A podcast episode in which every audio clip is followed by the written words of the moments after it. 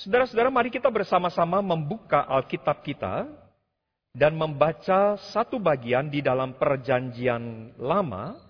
Kita membaca dari kitab Nabi Yesaya, fatsalnya yang ke-6. Kitab Nabi Yesaya, fatsalnya yang ke-6, ayat yang pertama hingga ayat yang ke-13. Dan sebagai ayat mas yang kita perhatikan secara khusus, itu terdapat pada ayat yang ke-8. Mari kita membaca dan memperhatikan Yesaya 6 ayat 1 sampai dengan ayat 13 secara khusus pada ayat yang ke-8. Yesaya mendapat panggilan Allah.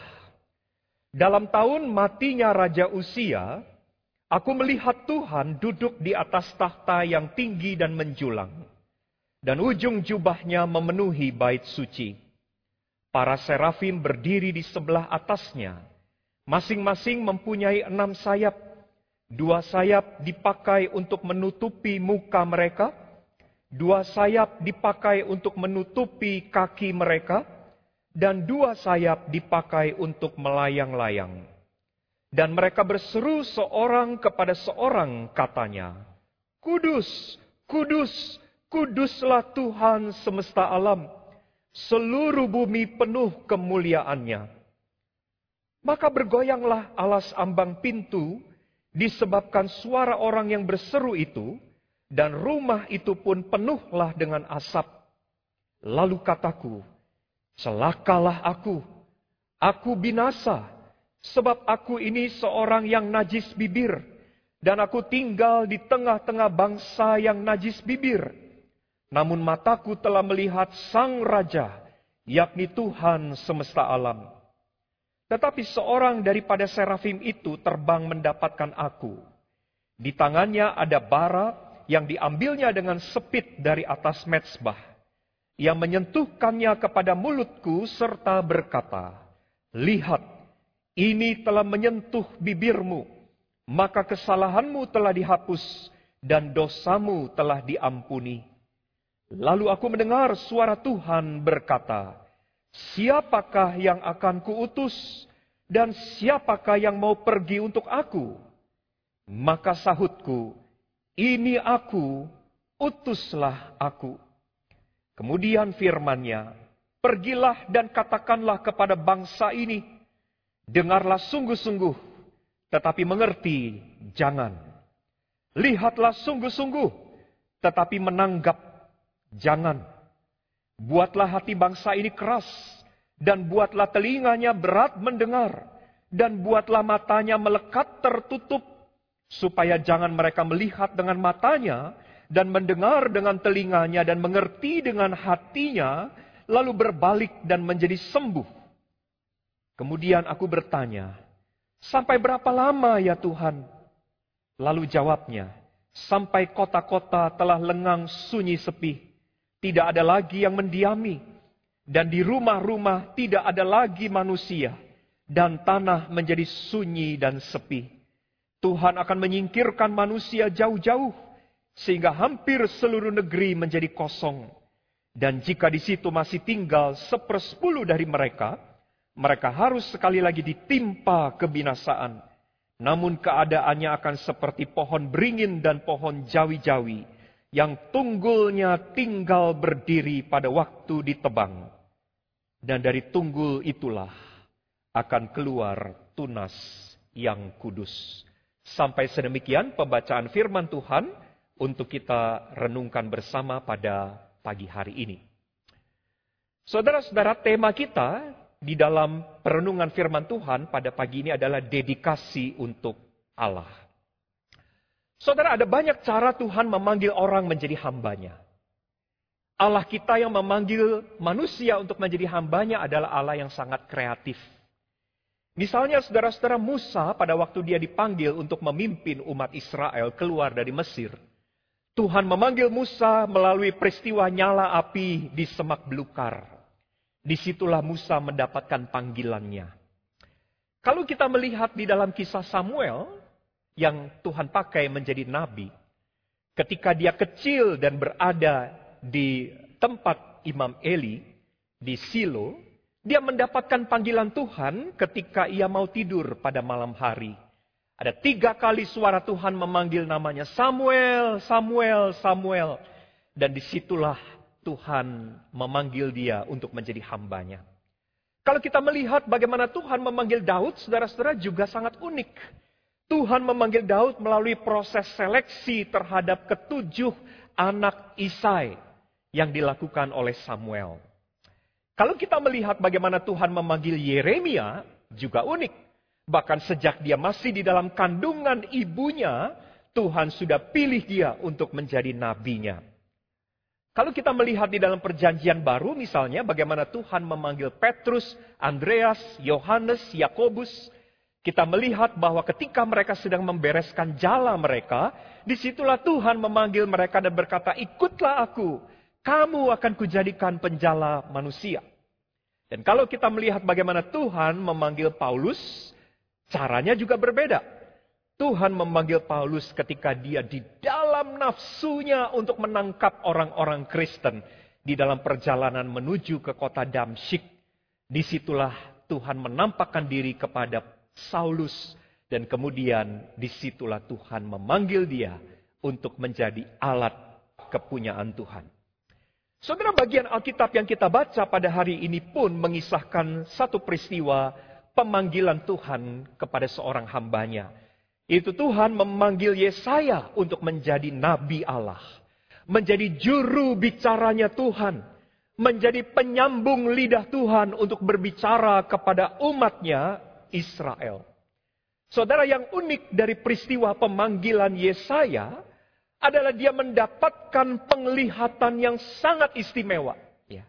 Berbeda dengan hamba-hamba yang lain, saudara-saudara, ada yang dipanggil di dalam perjalanan, ada yang dipanggil lewat seleksi, ada yang dipanggil melalui satu uh, pernyataan ada api yang menyala di semak belukar. Yesaya mendapatkan penglihatan. Dan penglihatannya itu sangat istimewa, yakni melihat Tuhan duduk di atas tahtanya. Dan kemudian saudara-saudara, Tuhan bertanya kepada Yesaya, siapakah yang akan kuutus Siapakah yang mau pergi untuk aku? Dan atas pertanyaan itu, saudara-saudara, Yesaya merespon pertanyaan panggilan Allah dengan berkata, "Ini aku, utuslah aku Tuhan." Saudara-saudara, hal yang melatar belakangi peristiwa pemanggilan Yesaya menjadi nabi adalah terjadinya kekacauan di tengah-tengah kehidupan umat Israel kekacauan secara sosial, kekacauan secara politik, dan semua kekacauan ini saudara-saudara bersumber dari persoalan yang paling utama yaitu kebobrokan rohani. Kebobrokan secara spiritual yang ada di dalam kehidupan umat Allah. Karena itu saudara-saudara kita membaca kisah bagaimana orang-orang Israel saling menekan, saling menindas, saling mengeksploitasi terhadap kawan-kawan sebangsanya. Ada persoalan sosial. Tapi persoalan sosial ini berakar atau bersumber dari persoalan secara spiritual. Persoalan kebobrokan secara rohani. Kalau kita baca, saudara-saudara, misalnya pada pasal 1 ayat 4 kitab Nabi Yesaya. Ayat 4 di dalam pasal 1 berkata begini, Celakalah bangsa yang berdosa, kaum yang syarat dengan kesalahan, keturunan yang jahat-jahat, anak-anak yang berlaku buruk. Mereka meninggalkan Tuhan, menista yang maha kudus Allah Israel, dan berpaling membelakangi dia. Saudara, apa yang sedang dikatakan oleh Tuhan ini adalah tentang umatnya. Bagaimana umatnya dikatakan membelakangi Tuhan. Berlaku jahat, berlaku buruk, meninggalkan Tuhan. Dan itulah memang yang sedang terjadi di tengah-tengah kehidupan Israel. Saudara pasal 6 ayat 1 dimulai dengan sebuah keterangan dicatat begini. Dalam tahun matinya Raja Usia. Jadi penglihatan yang dilihat oleh Yesaya itu terjadi pada waktu atau di tahun di mana pada tahun itu Raja Usia baru saja mati. Saudara siapakah Raja Usia? Kalau kita membaca, saudara-saudara, nanti Bapak Ibu, saudara-saudara bisa melihat di dalam dua Tawarikh 26. Usia sesungguhnya adalah seorang raja yang mulanya ketika dia menjadi raja itu sangat takut kepada Tuhan. Dia adalah seorang raja yang mencari Tuhan dengan segenap hati. Sehingga dicatat saudara-saudara di dalam kepemimpinan usia, Tuhan memberkatinya sehingga apa yang dilakukan oleh usia dibuat Tuhan menjadi berhasil. Tetapi memang itulah manusia. Kalau kita baca 2 tari 2 Tawari 26 ayat 16, setelah usia diberkati, setelah dia sukses memimpin sebagai seorang raja, setelah banyak orang kagum akan kepemimpinannya, di ayat 16 dari 2 Tawarih 26 ada satu catatan tentang usia begini bunyinya. Setelah ia menjadi kuat, ia menjadi tinggi hati. Sehingga ia melakukan hal yang merusak. Ia berubah setia kepada Tuhan Allahnya. Dan memasuki bait Allah untuk membakar ukupan di atas mezbah pembakaran ukupan. Saudara lihat perubahan hati usia. Ternyata yang berlaku jahat, yang berlaku tidak benar, yang berlaku membelakangi Tuhan bukan cuma rakyat. Tetapi mulai dari pemimpin bangsa ini, pemimpin umat, yaitu raja, yang sebelumnya adalah raja yang sangat takut akan Tuhan, sangat setia, sangat hormat kepada Tuhan. Tetapi setelah dia memimpin dan dia sukses, dia menjadi tinggi hati, lalu dengan congkaknya dia berpikir, saya kan raja. Raja bisa melakukan apa saja, termasuk membakar ukupan di atas mezbah. Sesuatu yang sebetulnya hanya boleh dilakukan oleh imam. Tetapi usia merasa, sebagai raja, siapa yang bisa melarang aku untuk melakukan hal ini? Dan dicatat saudara-saudara akibat yang harus diterima oleh usia akibat dosa dan tinggi hatinya di ayat 21 dari 2 Tawarikh 26. Kita membaca Raja Usia sakit kusta dan sampai kepada hari matinya. Sebagai orang yang sakit kusta, ia tinggal dalam rumah pengasingan karena ia dikucilkan dari rumah Tuhan. Saudara, dia dibuang, dia disingkirkan, dia dikucilkan oleh Tuhan. Karena kecongkakan, kesombongannya, karena dosanya. Karena hatinya tidak lagi takut akan Tuhan. Saudara, gambaran-gambaran ini melukiskan krisis spiritualitas. Krisis kerohanian yang terjadi di tengah-tengah umat Israel. Saya katakan mulai dari pemimpin, mulai dari raja sampai kepada rakyat, melakukan apa yang jahat di mata Tuhan. Saudara, maka dalam situasi yang demikian, Allah memanggil Yesaya untuk berbicara kepada Israel, untuk menyampaikan pesan Allah kepada umatnya.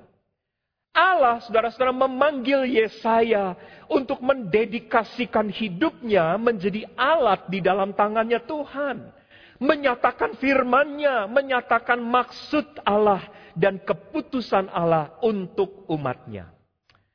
Nah, dari keterangan-keterangan ini kita belajar tentang dedikasi hidup untuk Tuhan. Hal pertama yang saya mau ajak jemaat untuk pikirkan dan pelajari bersama adalah begini. Bahwa panggilan untuk mendedikasikan hidup kepada Tuhan datang dalam situasi tertentu dan untuk maksud tertentu. Saya ulang.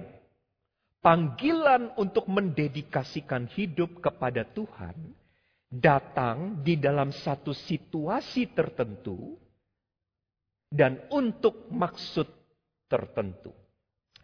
Saudara, jika kita membaca Alkitab, kita akan dengan mudah melihat dan menyimpulkan tentang bagaimana cara Allah bekerja. Allah bekerja dengan cara tertentu dan untuk maksud tertentu. Misalnya, kalau kita melihat di dalam karya penciptaan, kita tahu bahwa Allah melakukan pekerjaan penciptakan selama enam hari. Dan manusia, saudara-saudara, diciptakan Allah pada hari yang terakhir. Pada hari yang keenam. Saudara, kalau kita bertanya, mengapa Allah menciptakan manusia pada hari terakhir, pada hari keenam? Bukankah katanya manusia adalah makhluk atau ciptaan yang paling mulia? Kenapa yang paling mulia kok ditaruh paling belakang? Biasanya yang paling mulia selalu menjadi nomor satu. Yang paling mulia itu selalu yang terdepan. Kenapa kok yang paling mulia itu ditaruh di nomor paling belakang? Pada nomor enam. Saudara, cara Allah melakukan penciptaan itu selalu didasari oleh maksudnya. Manusia diciptakan pada hari terakhir karena Allah ingin mempersiapkan dan menyediakan segala sesuatu untuk manusia. Jadi sebelum manusia itu dijadikan, Allah menjadikan segala sesuatu sebelumnya daratan, tumbuh-tumbuhan, hewan, terang, semuanya itu well prepared untuk mahakarya Allah yang diciptakan Allah pada hari yang terakhir yaitu mahkota dari seluruh ciptaannya. Saudara, dari pekerjaan penciptaan itu kita melihat dan menyimpulkan apa yang Allah kerjakan selalu terjadi dalam rencananya. Jadi Allah dengan cara tertentu melakukan pekerjaannya karena Allah punya maksud, karena Allah punya rencana, karena Allah punya tujuan, maka dia bekerja dengan cara-cara tertentu. Saudara, ketika kita melihat pemanggilan Nabi Yesaya untuk mendedikasikan hidupnya, kita belajar tadi bahwa Yesaya dipanggil dalam satu situasi tertentu.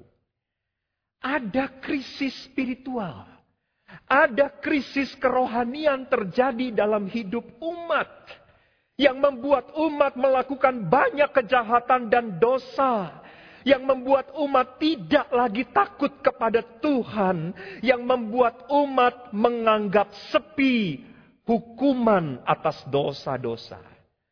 Maka dalam konteks seperti itu, atau dalam situasi yang demikianlah, Allah memanggil Yesaya. Saudara, saya percaya Allah di setiap zaman dan dalam situasi-situasi atau keadaan-keadaan. Memanggil orang untuk mendedikasikan hidupnya untuk menggenapkan maksud atau tujuan Tuhan. Perlu Bapak Ibu tahu bahwa Allah tidak pernah memanggil seseorang untuk sesuatu yang tanpa sebab atau tanpa tujuan atau tanpa alasan. Tidak. Kalau Allah memanggil, pasti panggilan itu dinyatakan karena sesuatu dan untuk sesuatu. Jadi bukan panggilan yang sifatnya main-main. Bukan panggilan yang sifatnya ya saya cobalah kalau memang dia mau syukur, kalau tidak mau ya sudah. Bukan. Kalau Allah betul sampai memanggil seseorang untuk mendedikasikan hidup, Pasti panggilan itu didasarkan karena satu situasi atau satu keadaan tertentu dan untuk satu tujuan Allah yang tertentu. Saudara saya mengajak uh, Bapak Ibu untuk uh, sejenak melihat cerita di dalam kitab Esther di dalam perjanjian lama. Saudara Esther diizinkan Tuhan menjadi permaisuri dari Raja Ahasveros. Saudara itu satu satu hal yang sebetulnya mustahil. Bagaimana Esther yang adalah Yahudi ini bisa menjadi permaisuri dari Raja Ahasveros. Tetapi ternyata tempat Esther diizinkan Tuhan menjadi permaisurinya raja, itu karena Tuhan punya maksud. Kalau Bapak Ibu baca kisahnya di dalam kitab Esther, satu hari ada persepakatan untuk menghabisi semua orang-orang Yahudi. Dan ternyata persepakatan itu terdengar di telinga Mordekai yang adalah pamannya si Esther ini. Lalu kemudian sang paman berkata kepada keponakannya yang sekarang duduk sebagai ratu. Esther, ada persepakatan untuk membunuh bangsa kita. Kamu harus ngomong kepada suamimu, ngomong kepada raja, supaya dia menggagalkan rencana pembunuhan atas orang-orang Yahudi. Saudara, pada waktu itu berlaku satu kebiasaan, permaisuri pun kalau tidak dipanggil tidak boleh menghadap raja. Bahkan permaisuri kalau berani menghadap raja tanpa dipanggil dia bisa mati, dibunuh oleh raja. Lalu Esther berkata kepada omnya ini, kepada Mordekai, bagaimana mungkin aku ngomong? Sudah beberapa, sudah sekian lama suamiku tidak memanggil aku. Kalau aku datang tiba-tiba menghadap, aku bisa mati. Saudara perhatikan jawab Mordekai. Di dalam Esther 4 ayat 14b, Mordekai berkata begini. Esther, Mungkin justru untuk saat yang seperti ini, engkau beroleh kedudukan sebagai ratu. Saudara, perkataan Mordekai itu mau mengatakan atau menyiratkan bahwa Esther diizinkan Tuhan menjadi permaisuri. Cara Tuhan mengizinkan dia menjadi permaisuri karena Tuhan punya maksud. Karena Tuhan punya rencana, sesuatu yang belum dipahami oleh Esther, tetapi itulah cara Tuhan memanggil hambanya untuk satu tujuan, untuk satu situasi tertentu, dan untuk tujuan tertentu. Bapak Ibu, kalau Tuhan panggil saudara untuk mendedikasikan hidup saudara, mendedikasikan waktu saudara dalam pelayanan, mendedikasikan tenaga, pikiran, talenta, atau apa pun yang saudara punya, uang atau harta. Kalau Tuhan sampai memanggil saudara untuk mendedikasikan hidup saudara, ingat ini baik-baik. Tuhan bukan sekedar meminta. Tidak. Tuhan bukan sekedar memanggil tanpa alasan. Dia memanggil kita untuk mendedikasikan hidup. Karena ada sesuatu. Karena ada sesuatu yang mungkin telah terjadi. Karena ada sesuatu yang mungkin sedang terjadi. Atau mungkin karena ada sesuatu yang akan terjadi. Belum, memang belum terjadi. Tapi Tuhan panggil kita untuk mendedikasikan hidup kita.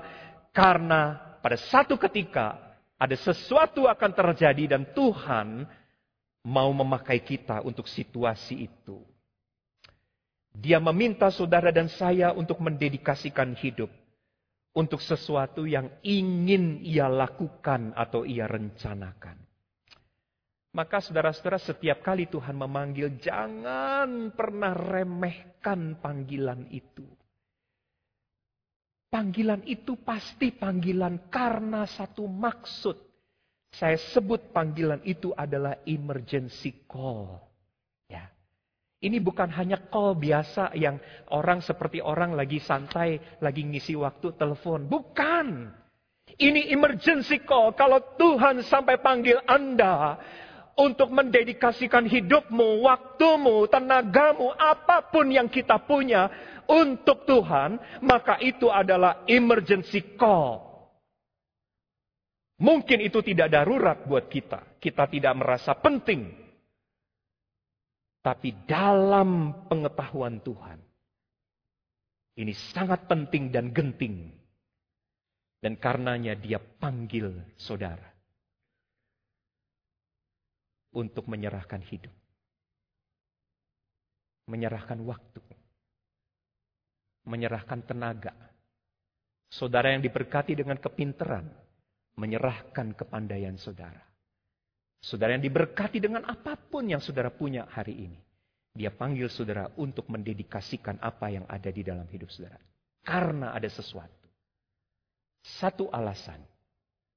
Untuk satu tujuan. Jangan remehkan panggilan itu. Yang kedua, saudara-saudara, mendedikasikan hidup buat Tuhan bukanlah kehilangan atau loss, melainkan mendapat atau memperoleh. Saudara, ketika saya katakan mendedikasikan hidup adalah mendapat, saya tidak sedang mengatakan siapa yang melayani Tuhan pasti akan mendapat berkat. Bukan ke situ tujuan saya. Saya tidak sedang mengatakan siapa yang melayani Tuhan akan diberkati dengan kekayaan, kelimpahan, kesuksesan, atau sejenisnya. Itu adalah konsep dari teologi sukses dan itu bukan pemahaman yang alkitabiah. Lalu apa yang saya katakan mendedikasikan hidup sesungguhnya adalah mendapat. Begini penjelasannya saudara-saudara. Saudara banyak orang berpikir ketika dia mendedikasikan hidup untuk Tuhan itu berarti dia harus menyerahkan sesuatu. Menyerahkan sesuatu dari dirinya atau dari hidupnya untuk Tuhan. Kalau saya mendedikasikan hidup, itu berarti misalnya saya mendedikasikan waktu, saya terlibat di dalam pelayanan, dan saya harus mendedikasikan waktu untuk pelayanan, itu berarti saya harus memberi waktu saya. Dan kalau dikatakan memberi waktu saya, itu berarti saya kehilangan. Lost. Waktu yang sebetulnya bisa dipakai untuk cari duit, Waktu yang sebetulnya bisa dipakai untuk mengelola bisnis dan akan mendatangkan keuntungan yang cukup besar. Tiga jam, empat jam hanya untuk rapat di gereja karena saya memberi atau mendedikasikan diri saya di dalam pelayanan. Dan itu adalah kehilangan. Karenanya saudara-saudara banyak orang enggan untuk mendedikasikan hidup untuk Tuhan. Sebab siapakah orang yang mau kehilangan sesuatu yang dia punya? Saudara mau? Emang saudara mau kehilangan apa yang saudara miliki? Nggak mau kan? Siapakah orang yang mau mengalami kerugian? Karena dia kehilangan sesuatu yang dia miliki. Saudara-saudara, banyak orang berpikir dengan mindset itu.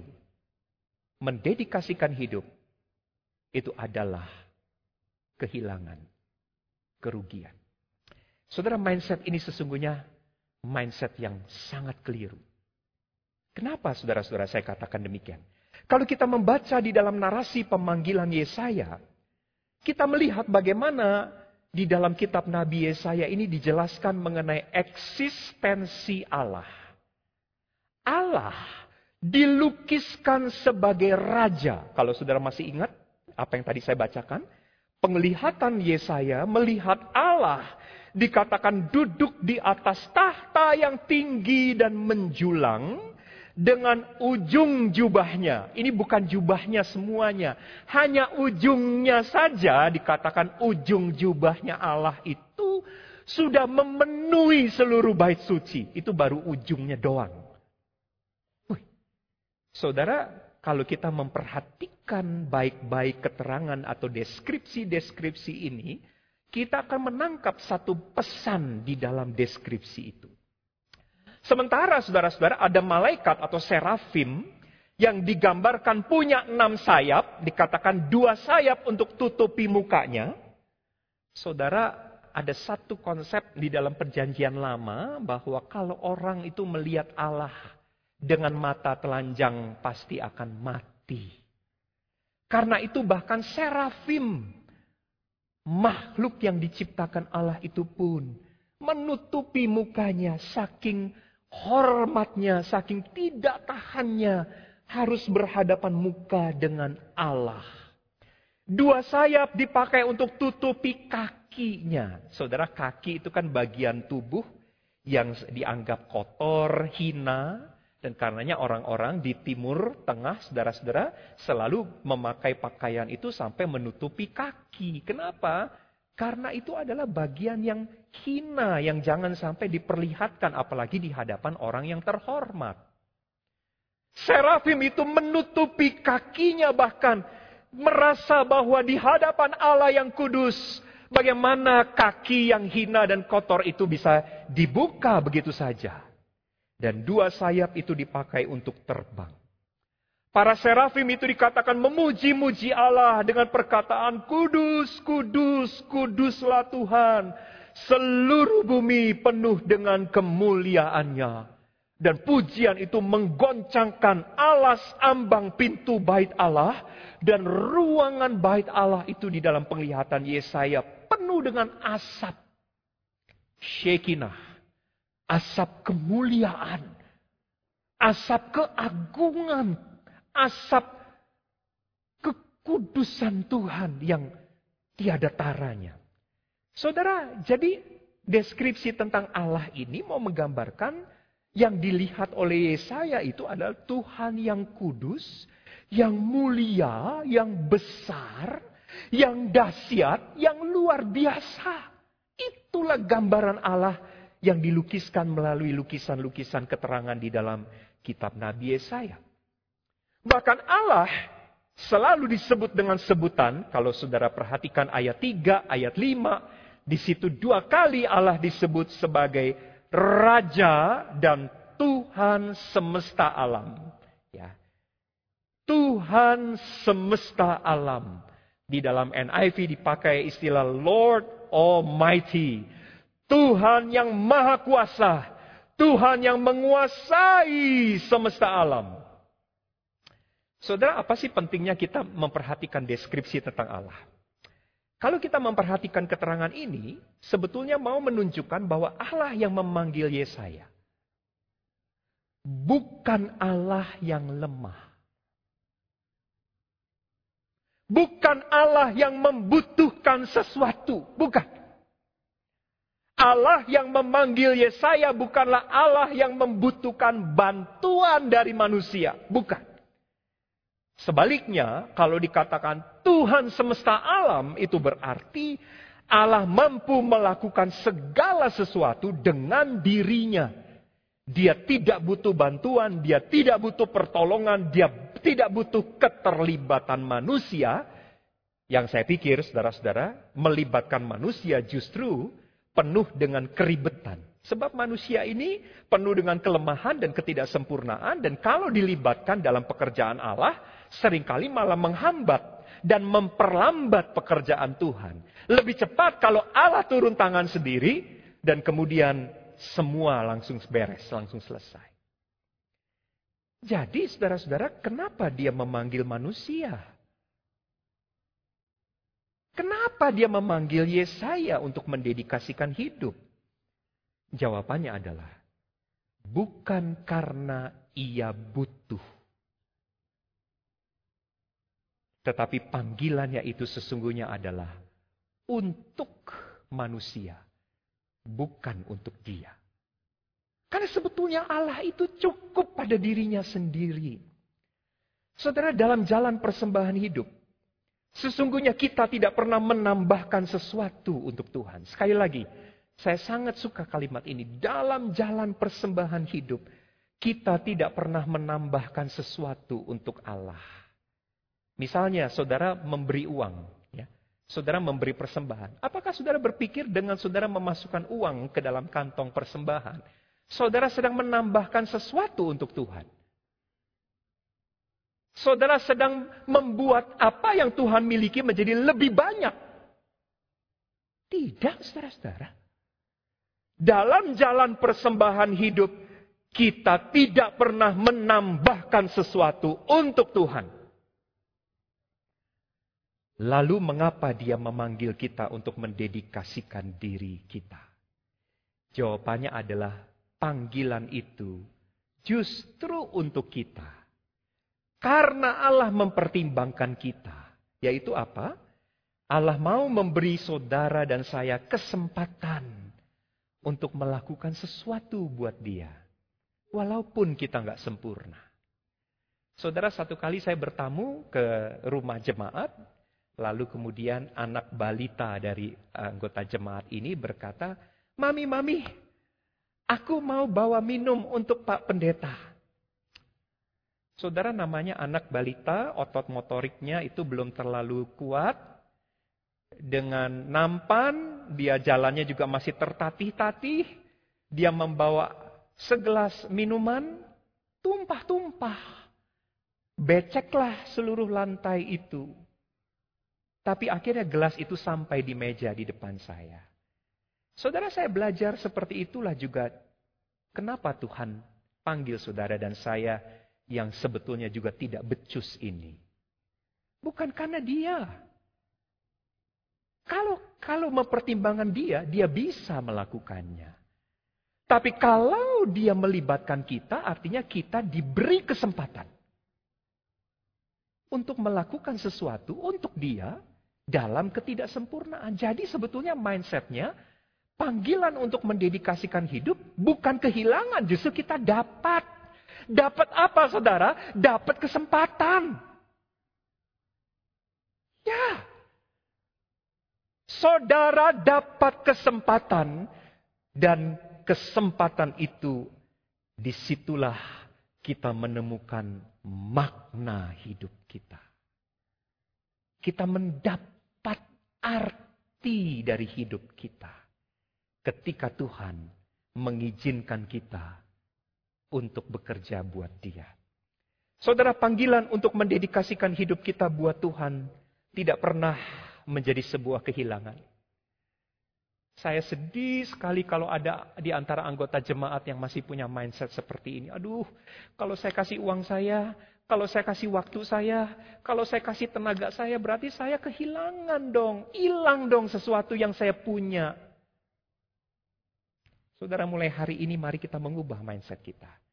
Mendedikasikan hidup tidak pernah menambahkan sesuatu untuk Tuhan. Mendedikasikan hidup justru melaluinya kita mendapat mendapat kesempatan yang membuat hidup kita berarti dan kita akan meninggalkan hidup kita di dunia ini dengan puas. Kenapa? Karena kita sudah menjalani hidup yang berarti. Yang terakhir, yang ketiga. Mendedikasikan hidup untuk Tuhan. Adalah keputusan iman. Yang lahir dari penghayatan akan panggilan Tuhan kepada kita. Mendedikasikan hidup itu adalah keputusan iman. Yang merupakan respon atas panggilan Tuhan. Saudara, apa yang membuat Yesaya berkeputusan untuk mendedikasikan hidup untuk Allah? Apakah karena ia prihatin akan bangsanya? Apakah dia melihat kejahatan umat Israel? Mungkin saja. Ya, mungkin saja itu membuat hatinya begitu prihatin lalu dia kemudian berkata, "Ini aku Tuhan, pakai saya. Saya juga prihatin dengan bangsa saya ini." Bisa jadi begitu. Apa yang membuat Yesaya kemudian berkata, "Ini Tuhan, pakailah aku, utuslah aku." Apakah karena kesalahan atau dosanya sudah dihapuskan? Kita tadi membaca ada bara disentuhkan kepada mulutnya dan serafim berkata, "Lihat, dosamu sudah diampuni, kesalahanmu sudah dihapuskan." Apakah gara-gara dia sudah diampuni lalu sebagai respon syukurnya dia persembahkan hidup untuk Tuhan? Bisa jadi. Bisa jadi. Kedua jawaban tadi sama-sama mungkin. Tapi Bapak Ibu lepas dari kedua jawaban itu, Menurut saya faktor utama yang menggerakkan Yesaya mendedikasikan hidup adalah apa? Dia menghayati panggilan Tuhan adalah untuk dia. Panggilan itu adalah panggilan untukku secara pribadi yang kemudian direspon dengan komitmen secara pribadi kepada Allah. Saudara perhatikan detailsnya. Allah kan bertanya begini, siapa yang akan kuutus? Siapa yang mau pergi untuk aku? Konstruksi kalimatnya adalah kalimat tanya. Seolah-olah saudara-saudara kita membacanya itu sebagai sebuah tawaran. Sebuah ajakan, bukan paksaan. Bukan keharusan. Kan beda ya kalau bunyinya begini. Pergi, Kan beda. Itu adalah perintah. Mau nggak mau, yang namanya hamba akan berkata, baik Tuhan, saya pergi. Tapi ini ini adalah Tuhan bertanya, siapa? Siapa yang mau pergi untuk aku? Saudara bagi Yesaya, pertanyaan itu berbicara secara khusus kepada dirinya. Dia merasakan bahwa Allah panggil dia. Allah mau memakai hidupnya. Sehingga sekalipun itu bukan paksaan, bukan keharusan, pertanyaan itu kemudian direspon dengan komitmen penyerahan diri. Dia berkata begini, Tuhan, here am I. Inilah aku Tuhan utuslah aku. Saudara, Menurut saya pertanyaan Allah kepada Yesaya ini banyak sering disampaikan kepada jemaat lewat khotbah-khotbah pendeta. Ya. Siapa yang tergerak untuk melayani? Siapa yang terbeban menyerahkan hidup jadi hamba Tuhan? Siapa yang mau menyerahkan harta bendanya untuk mendukung pekerjaan Tuhan? Menurut saya pertanyaan itu berulang-ulang disampaikan kepada jemaat. Tapi saudara-saudara, tidak semua jemaat mungkin merasa pertanyaan itu atau ajakan itu untuk dia secara pribadi. Sehingga kalau misalnya ada 10 orang bisa mendengar pertanyaan atau ajakan semacam itu, mungkin yang merespon hanya beberapa atau bahkan mungkin satu orang saja. Ya. Bahkan sering kali jemaat suka memelesetkan jawaban Yesaya. Ini aku Tuhan, utuslah dia. Ini saya Tuhan, tapi saya nggak mau pakai dia. Kenapa bisa begitu? Karena kita tidak merasa bahwa Tuhan sedang bicara kepada kita secara pribadi. Dan karenanya kita tidak meresponnya dengan komitmen kesungguhan yang juga personal. Saudara, perjalanan pelayanan Yesaya bukan perjalanan yang mudah. ya. Kalau kita membaca bagaimana Tuhan menyuruh Yesaya, dia diutus Tuhan berbicara kepada umat Allah, menyampaikan keputusan Tuhan untuk mereka. Apa itu keputusan Tuhan? Penghukuman. Makanya Tuhan bilang begini, katakanlah kepada bangsa ini, dengarlah, tapi jangan sampai mengerti. Ya. Lihat, tapi jangan sampai menanggap. Artinya, Tuhan Seolah-olah digambarkan di situ sudah sampai pada batasnya dan kemudian Tuhan sudah memutuskan akan menghukum umatnya. Saudara, karena itu beritanya Yesaya ini adalah berita yang gak enak. Dan ketika kita membaca di sepanjang kitab Yesaya, dia ditolak dia tidak disukai. Beritanya tidak populer karena dia tidak bisa memuaskan keinginan pendengar. Pendengar maunya yang enak-enak di telinga. Bahkan tradisi mencatat bahwa Yesaya akhirnya mati dan itu dihubungkan dengan perbuatan Raja Manasye, Raja Yehuda, yang menggergaji tubuhnya. Saudara bisa lihat di dalam surat Ibrani pasal 11 ayat 37, penulis surat Ibrani memang tidak mention tentang siapa, tetapi dikatakan saksi-saksi iman, salah satu saksi iman yang mengalami digergaji. Dan uh, Yosefus yang adalah seorang historian mengatakan bahwa itu adalah Yesaya. Saudara kendati pun penuh pergumulan, kesulitan, bahkan ancaman bahaya. Sekali Yesaya mendengar panggilan Tuhan untuk dirinya secara personal, maka dia komit menyerahkan hidupnya dan taat pada panggilan itu. Komitmen itulah yang memampukan Yesaya terus melayani sekalipun ditolak, tidak mau didengarkan, sekalipun dia di, diperlakukan dengan tidak baik, bahkan dia diperhadapkan dengan kematian. Dia tetap berkata, ini aku Tuhan, pakai aku, utus aku. Saudara di penghujung khotbah ini saya mau mengajak saudara untuk berpikir begini. Mendedikasikan hidup bukanlah keputusan karena mengikut orang. Jangan. Kita udah belajar dari kasusnya Ananias dan Safira yang menjual tanah mereka diberikan persembahannya di hadapan kaki rasul-rasul. Karena banyak orang menjual tanah lalu membawa uangnya untuk dipersembahkan. Mereka juga gengsi. Ikut menjual tanah mereka tapi nggak rela. Kasih cuma separoh, ngakunya kasih semua. Itu namanya mendedikasikan karena ikut-ikutan. Saudara mendedikasikan hidup adalah hasil pergumulan pribadi dengan Tuhan. Jadi kalau saudara sudah berkali-kali dengar Tuhan bicara lewat khotbah, Tuhan bicara lewat peristiwa. Saya yakin Bapak Ibu yakin seyakin-yakinnya.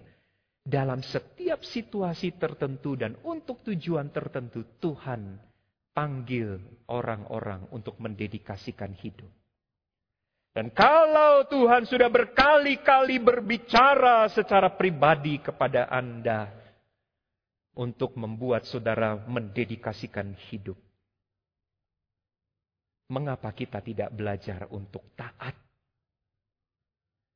Beberapa orang karena takut membayar harga komitmen penyerahan diri, kemudian berkata, enggak, Tuhan enggak pernah panggil saya. Ya.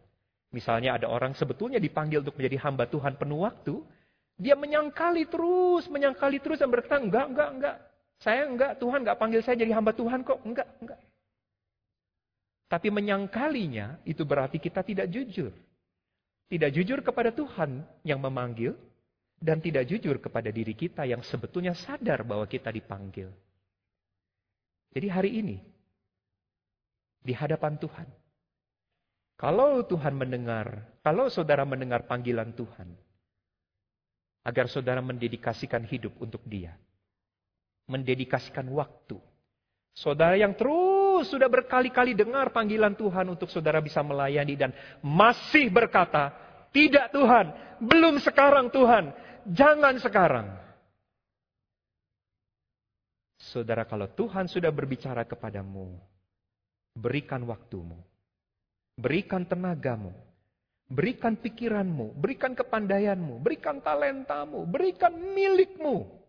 Bahkan mungkin kalau ada di antara saudara yang Tuhan panggil, berikan seluruh hidupmu, aku mau pakai kamu menjadi hamba Tuhan sepenuh waktu Saudara jangan keraskan hatimu. Jujurlah kepada Tuhan dan jujurlah kepada diri kita. Bahwa Tuhan ingin pakai kita di dalam rencananya. Buatlah komitmen penyerahan diri dan ketaatan. Seperti Yesaya berkata, ini aku Tuhan. Pakai aku. Utus aku. Kalimat menutup khotbah ini. Banyak orang ingin dipakai oleh Tuhan tapi hanya sedikit yang sungguh-sungguh siap dipakai olehnya. Banyak orang ingin hidupnya dipimpin oleh Tuhan, tapi hanya sedikit yang rela taat pada pimpinan Tuhan. Banyak orang ingin disebut sebagai pelayan-pelayan Tuhan, tapi hanya sedikit yang rela diperlakukan sebagai pelayan. Mari kita berdoa, saudara-saudara. Tuhan, Engkau adalah Allah yang Maha Tahu, yang menyelidiki hati kami yang paling dalam. Sesungguhnya Engkau sudah berkata berulang-ulang kali, memanggil kami untuk mendedikasikan hidup kami untuk Tuhan. Mendedikasikan waktu kami, mendedikasikan talenta kami, mendedikasikan kepinteran kami, mendedikasikan uang atau milik kami. Tetapi mungkin selama ini kami masih bertahan kami menyangkali panggilan Tuhan itu. Kami menunda dan menundanya terus. Karena kami tidak berani untuk membuat komitmen penyerahan diri. Pagi ini kami belajar tentang apa artinya mendedikasikan hidup untuk Tuhan. Kalau Tuhan sampai memanggil kami untuk menyerahkan waktu, Pasti karena ada sesuatu situasi atau pekerjaan yang Tuhan mau supaya kami kerjakan dan selesaikan. Kalau Tuhan memanggil kami untuk mendedikasikan uang, pasti karena ada sesuatu yang dengan uang itu Tuhan mau pakai, supaya pekerjaan itu boleh diselesaikan panggilan Tuhan untuk mendedikasikan hidup selalu disampaikan dalam situasi tertentu dan untuk maksud yang tertentu juga. Maka Tuhan jangan biarkan kami abai terhadap suara panggilan itu. Berikan kami ketaatan. Berikan kami kesanggupan. Beri kami keberanian. Hari ini Tuhan. Tidak lagi tunda besok. Tidak lagi tunda minggu depan, bulan depan, tahun depan kami mau berkata pagi ini di hadapan Tuhan. Kalau Tuhan panggil kami untuk mendedikasikan hidup kami, kami ingin berkata, "Ini kami, Tuhan, pakai kami, utus kami." Di dalam Kristus, Tuhan yang memanggil kami, kami berdoa. Amin.